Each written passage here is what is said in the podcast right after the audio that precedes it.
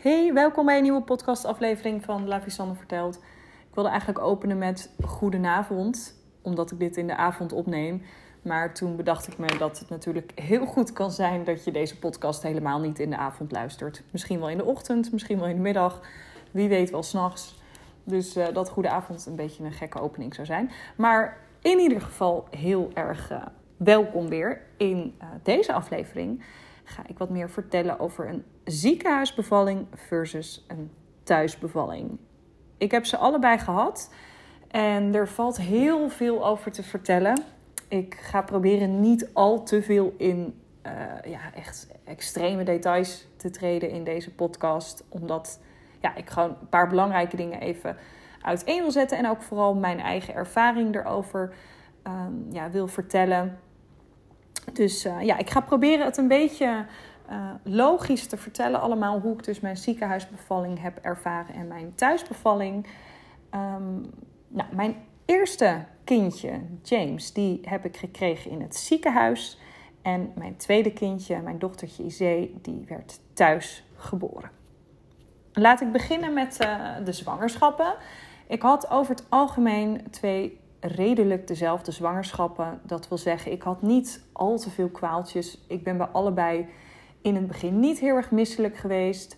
Um, alleen bepaalde geuren die ik niet goed kon handelen, zoals de geur van koffie, vond ik in het begin best wel heftig. En ik had ja, ook iets heel raars dat ik geen uh, vers gemaaid gras vond ik ook zo'n zo'n hele, hele nare geur om te ruiken. Maar over het algemeen heb ik niet heel veel kwaaltjes gehad. Ik had bij James een beetje bekkeninstabiliteit rondom mijn stuit. En ik heb uh, bij allebei, dat is trouwens wel zo, ik heb bij allebei wel in het begin een extreme bloeding gehad. Zowel bij James als bij Izee. Ze hebben daar niet echt een oorzaak voor kunnen vinden, maar beide keren was het echt heel erg schrikken. Omdat het echt aan het begin van de zwangerschap was. Eh, beide keren rond week, ja, week 11 of zo. Een beetje zo dat je net in die fase zit van de overgang van dat hele onzekere van het kan nog ieder moment fout gaan naar oké, vanaf week 12 zit je al wel echt een stuk zekerder erin dat het geen miskraam meer gaat worden.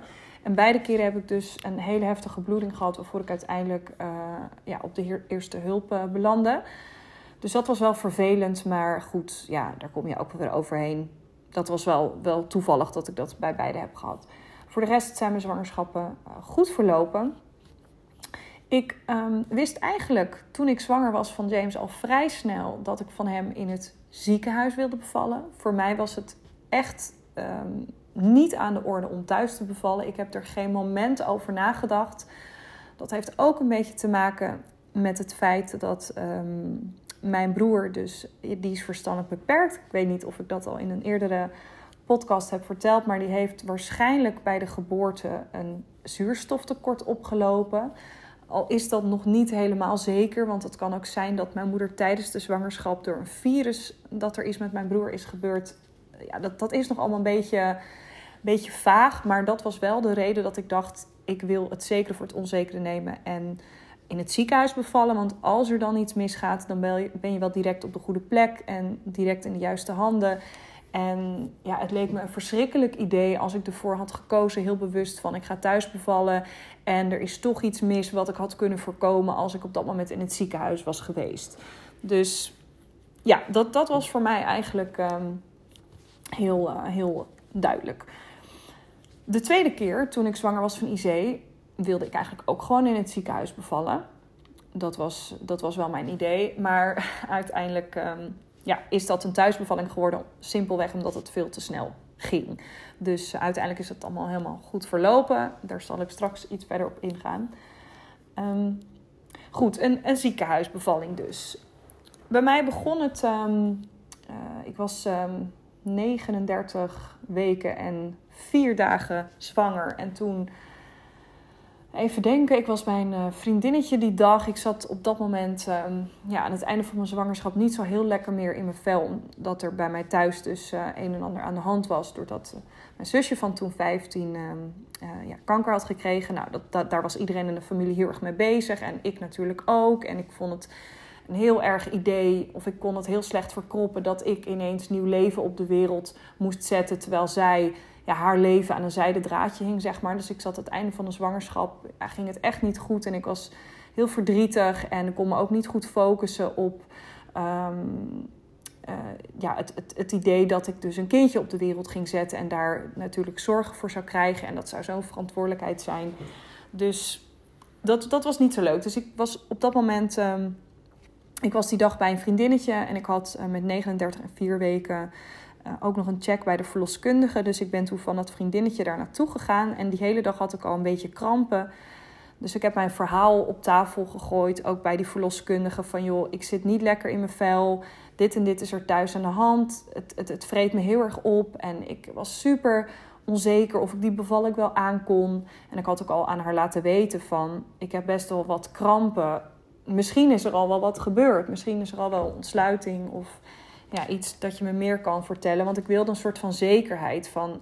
ja, wanneer acht u de kans dan dat ik ga bevallen? Want ik probeerde dat dan toch nog een beetje te plannen of zo. Want ik wilde heel graag dat mijn moeder er ook bij was. Maar mijn moeder was ook bij de chemo's van mijn zusje toen steeds. Dus de kans was aanwezig dat zij niet, uh, niet bij mijn bevalling kon zijn. Dus uh, nou, dat begreep ze. En toen zei ze, als jij het fijn vindt, dan zouden we ook een datum kunnen prikken voor een inleiding. Dan, dan weet je in ieder geval ja, ongeveer wanneer je gaat bevallen. Dan weet je ook dat je niet nog tot, met, tot en met 42 weken gaat rondlopen.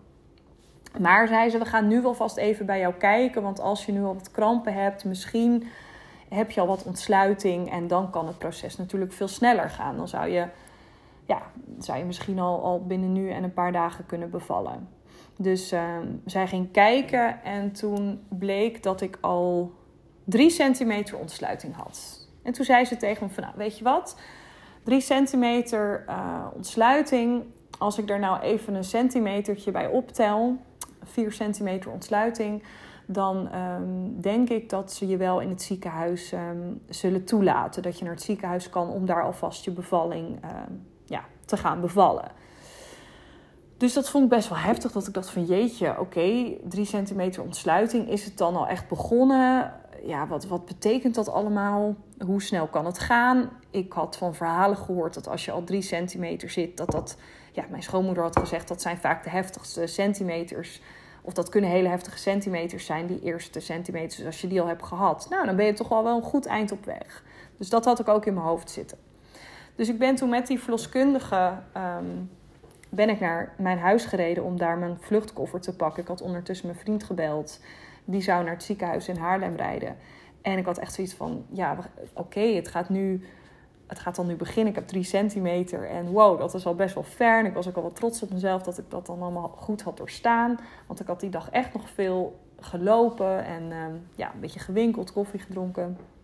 Dus mijn vriend kwam naar het ziekenhuis. Mijn moeder, die kon wonder boven wonder er ook bij zijn. Want die had de volgende dag, um, ja, had mijn zusje een chemovrije dag. Dus die kon ook uh, erbij zijn. Dus iedereen die werd al gebeld en iedereen was al helemaal paraat van oké, okay, Sanne gaat nu bevallen.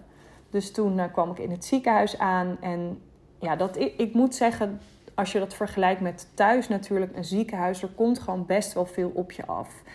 Je hebt te maken met uh, verpleegkundigen, je eigen verloskundige is erbij, er lopen assistenten rond. Het is gewoon, het is best wel heel druk in een ziekenhuis met iedereen die steeds naar binnen en naar buiten komt lopen. En nou, toen ik daar was, toen schoot het niet heel erg op. Dus toen zei mijn verloskundige, weet je wat, we gaan je vliezen breken, want dan komt het vaak wel lekker op gang. Nou, dat vond ik heel erg eng allemaal. Um, maar goed, ja, dat was volgens haar de, de enige manier om het eventjes uh, goed op gang te helpen. Dus ik dacht, ja, anders gebeurt er ook niet heel veel, dus doe dat dan maar. Nou, zodra ze die vliezen hadden doorgeprikt, um, kreeg ik echt gigantische weeën. En uh, ontzettend pijnlijk ik kon er echt niet mee omgaan. Ik, ik, ik ben onder de douche gaan staan, gaan zitten, gaan liggen, gaan kruipen. Weet ik veel. Van alles geprobeerd. Ik kon geen houding vinden. Ik werd helemaal gek van de pijn. En dat heb ik ook tegen mijn verloskundige gezegd. Van alsjeblieft, fix iets van pijnstilling. Want ik trek dit gewoon niet. Ik was al super gestrest gewoon om mijn hele, ja, hele persoonlijke situatie waar ik in zat je bent in een ziekenhuis, allemaal vreemde mensen. Mijn vriend die wist ook gewoon niet zo goed hoe hij mij kon helpen en wat hij moest doen. Allerlei toeters en bellen waar je aan zit. Ik, ik werd daar heel gestrest van. En als je gestrest bent, ja, dan blokkeer jij ook die, die endorfines waarmee je bevalling hè, waarmee je toch een beetje door die pijn heen komt, zeg maar. Dus ehm, toen uiteindelijk uh, anesthesist erbij en die had een ruggenprik bij me gezet. En toen ja, kon ik echt wel even ontspannen. En toen ging het ook heel snel. Toen uh, zat ik uiteindelijk uh, echt binnen hele korte tijd op 10 centimeter. Nou, dan wordt die ruggenprik ook gelijk uitgezet, want je moet wel gevoel hebben om te persen. Um, maar goed, de, de, aanloop naar die uiteindelijk het persen toe, dat, dat, was, dat vond ik echt niet leuk. Uiteindelijk persen, persen, persen. Maar door die ruggenprik was het gevoel, dat kwam niet helemaal goed terug. En ik wist eigenlijk helemaal niet wat ik aan het doen was. En uh, iedereen die riep maar van luister naar me en doe wat ik zeg. En nu persen en nu drukken. Maar er gebeurde gewoon niet zo heel veel. Ik, ik, ik wist gewoon niet hoe ik kracht moest zetten. En het duurde en het duurde. Nou, uiteindelijk heb ik uren voor niks geperst. En toen hebben ze er een, um, vacuümpomp bij gehaald. En toen is James uiteindelijk ter wereld gekomen. Nou, met zo'n vacuümpomp moet er geknipt worden. Dat is helaas niet anders. Want ja, anders dan past het er gewoon niet goed in. En kan het er ook niet goed uit. Um, en dat is gewoon funest voor je, voor je onderstel, maar zo te zeggen. Dus uh, met behoorlijk wat hechtingen uiteindelijk uh, ben ik toen naar huis gegaan. En ik was ja, best wel best wel in shock van wat voor een aanslag het was op mijn lichaam. En ja, wat me eigenlijk overkomen was. Ik, ik heb twee weken lang niet goed kunnen lopen. Absoluut niet kunnen zitten. Ik, het was echt drama. Die eerste weken met James was, was echt niet leuk. Daar kijk ik echt niet leuk op terug.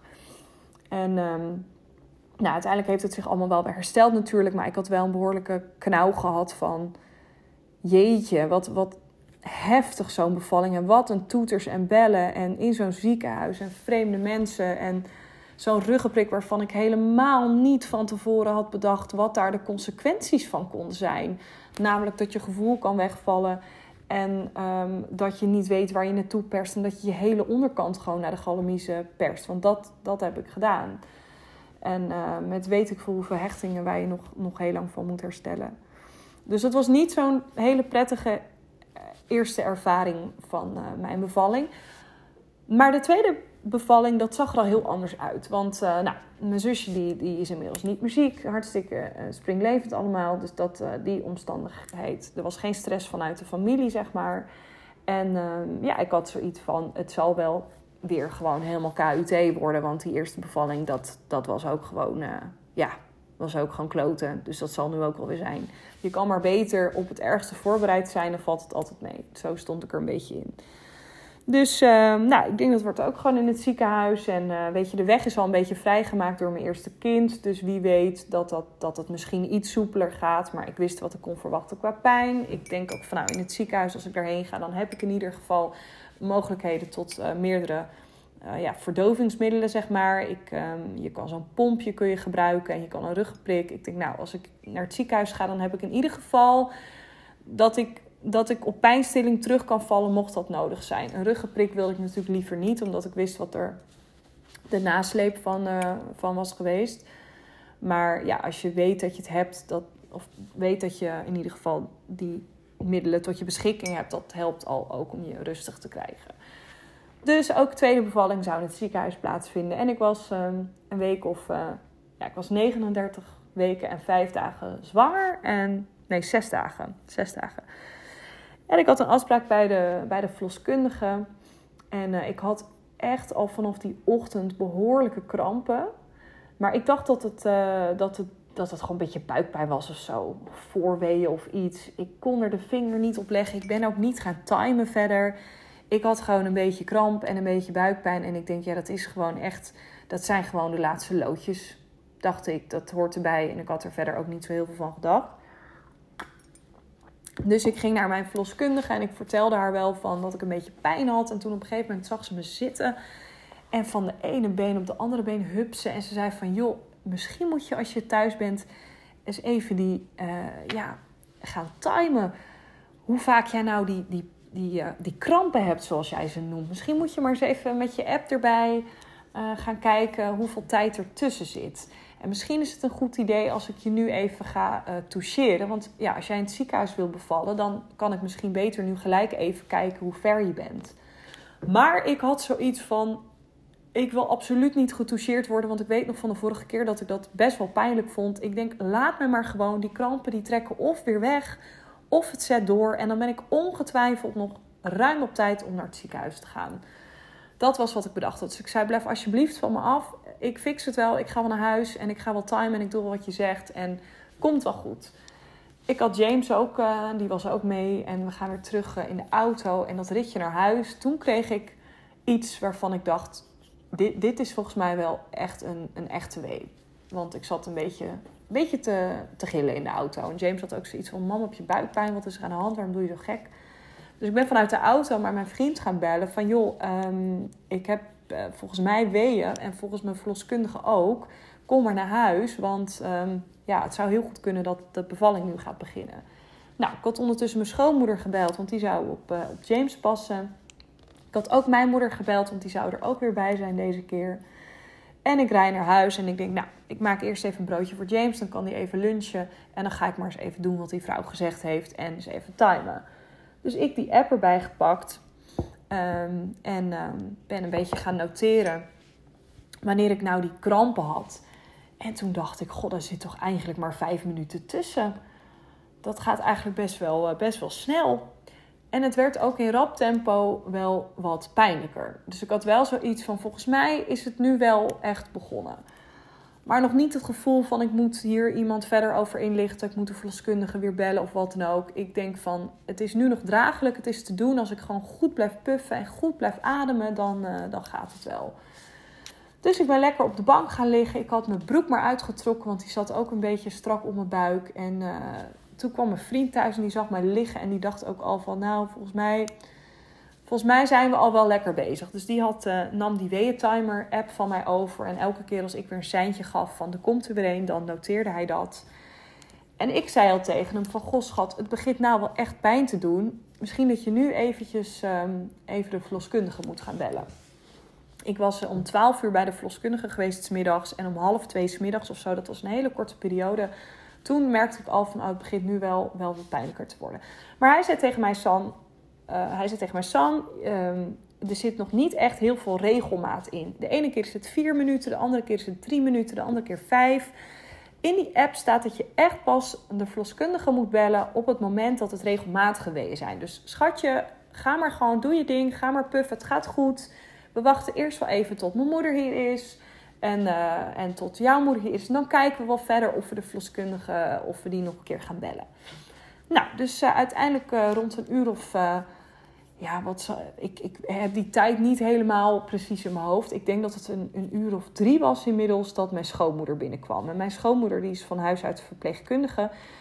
En die zag mij liggen en die zei... Robert, ze is echt wel behoorlijk flink aan het bevallen nu. Als ik er zo zie kermen en zie puffen, dan moet je wel echt even de verloskundige gaan bellen nu. Want ja, het ziet er wel uit alsof ze, alsof ze nou ja, gewoon echt aan het bevallen is.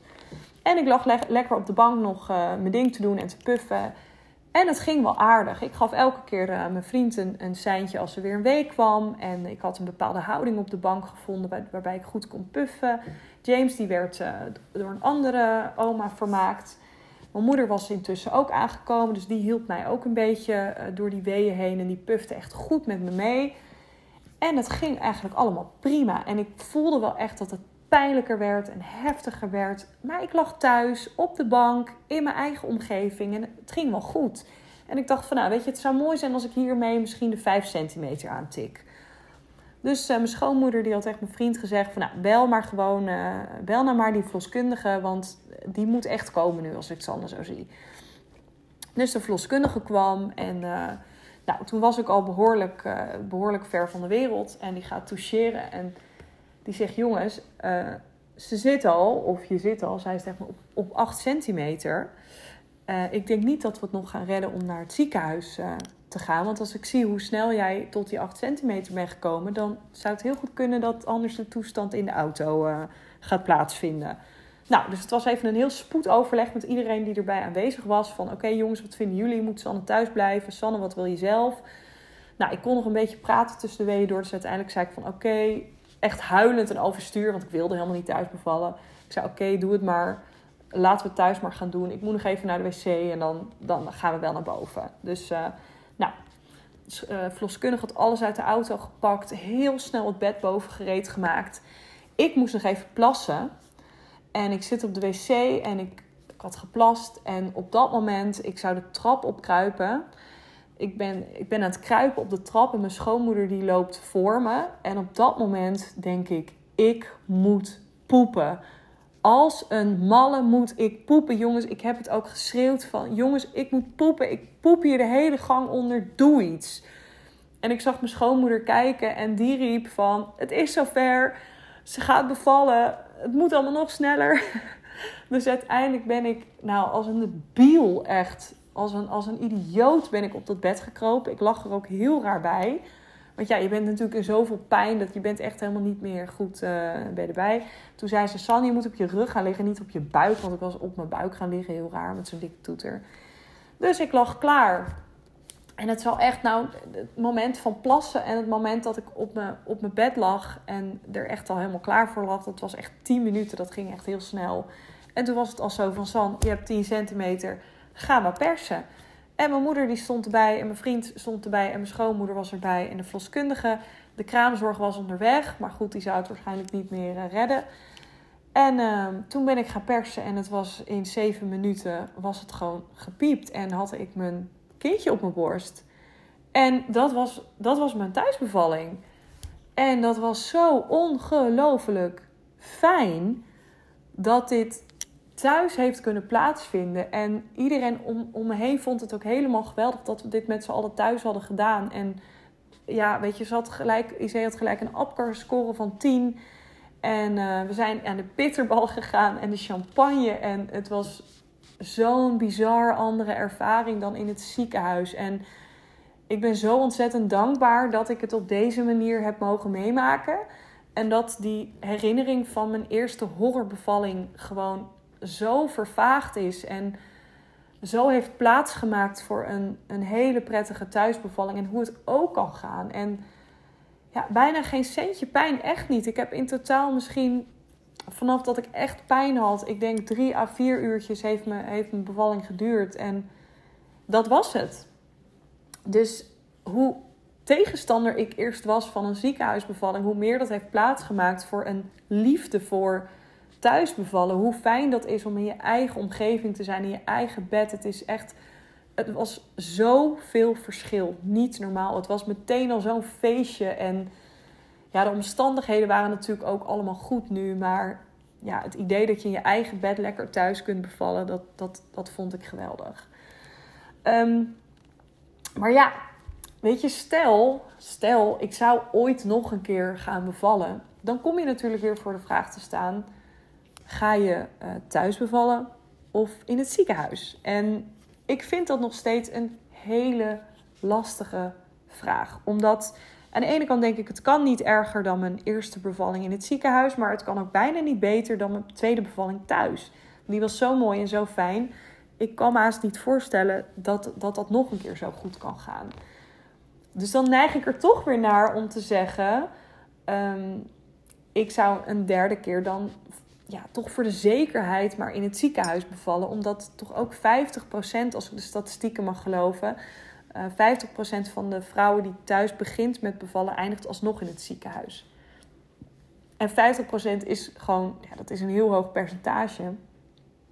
Dus dat, dat blijf ik een lastige uh, kwestie vinden. Ik weet natuurlijk niet of het ooit nog aan de orde is, maar als mensen me wel eens vragen nu van, ja, wat zou je dan, wat zou je dan een volgende keer doen, omdat je het nu allebei hebt meegemaakt, dan ben ik nu wel geneigd om te zeggen, ja, toch voor de zekerheid maar het ziekenhuis, omdat ik er nog steeds bij blijf dat als er iets verkeerd gaat, um, dan ben je wel in het ziekenhuis direct op de goede plek. En ik zou het mezelf nooit kunnen vergeven als ik. Uh, thuis gaat bevallen en het gaat hier mis en we hebben hier niet de tools om het uh, juist op te lossen. En het idee dat je dan in een ambulance misschien moet uh, naar het ziekenhuis, dat is natuurlijk ook allemaal verschrikkelijk.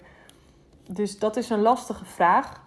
Maar ja, ik hoop wel dat ik een beetje een, een idee heb kunnen geven van hoe, ja, hoe fijn een thuisbevalling kan zijn en hoe, hoe afschrikwekkend een ziekenhuisbevalling kan zijn. Maar goed, het is natuurlijk allebei niet exemplarisch, dat besef ik me heel goed een ziekenhuisbevalling kan natuurlijk hartstikke prima zijn. Het is alleen ook maar net hoe je reageert op de setting van een ziekenhuis, in- en uitlopende doktoren, de onrust die je dan hebt. En ehm, ja, dat is echt heel anders. Nou, dat was de podcast weer eh, voor deze week. Ik hoop dat die interessant was en uh, dat je hem leuk vond. Je kunt een review achterlaten op Apple Podcast. En je kan me altijd een berichtje sturen op uh, Instagram. Ik zou het heel gezellig vinden als je me daar komt volgen. En nou, tot de volgende keer.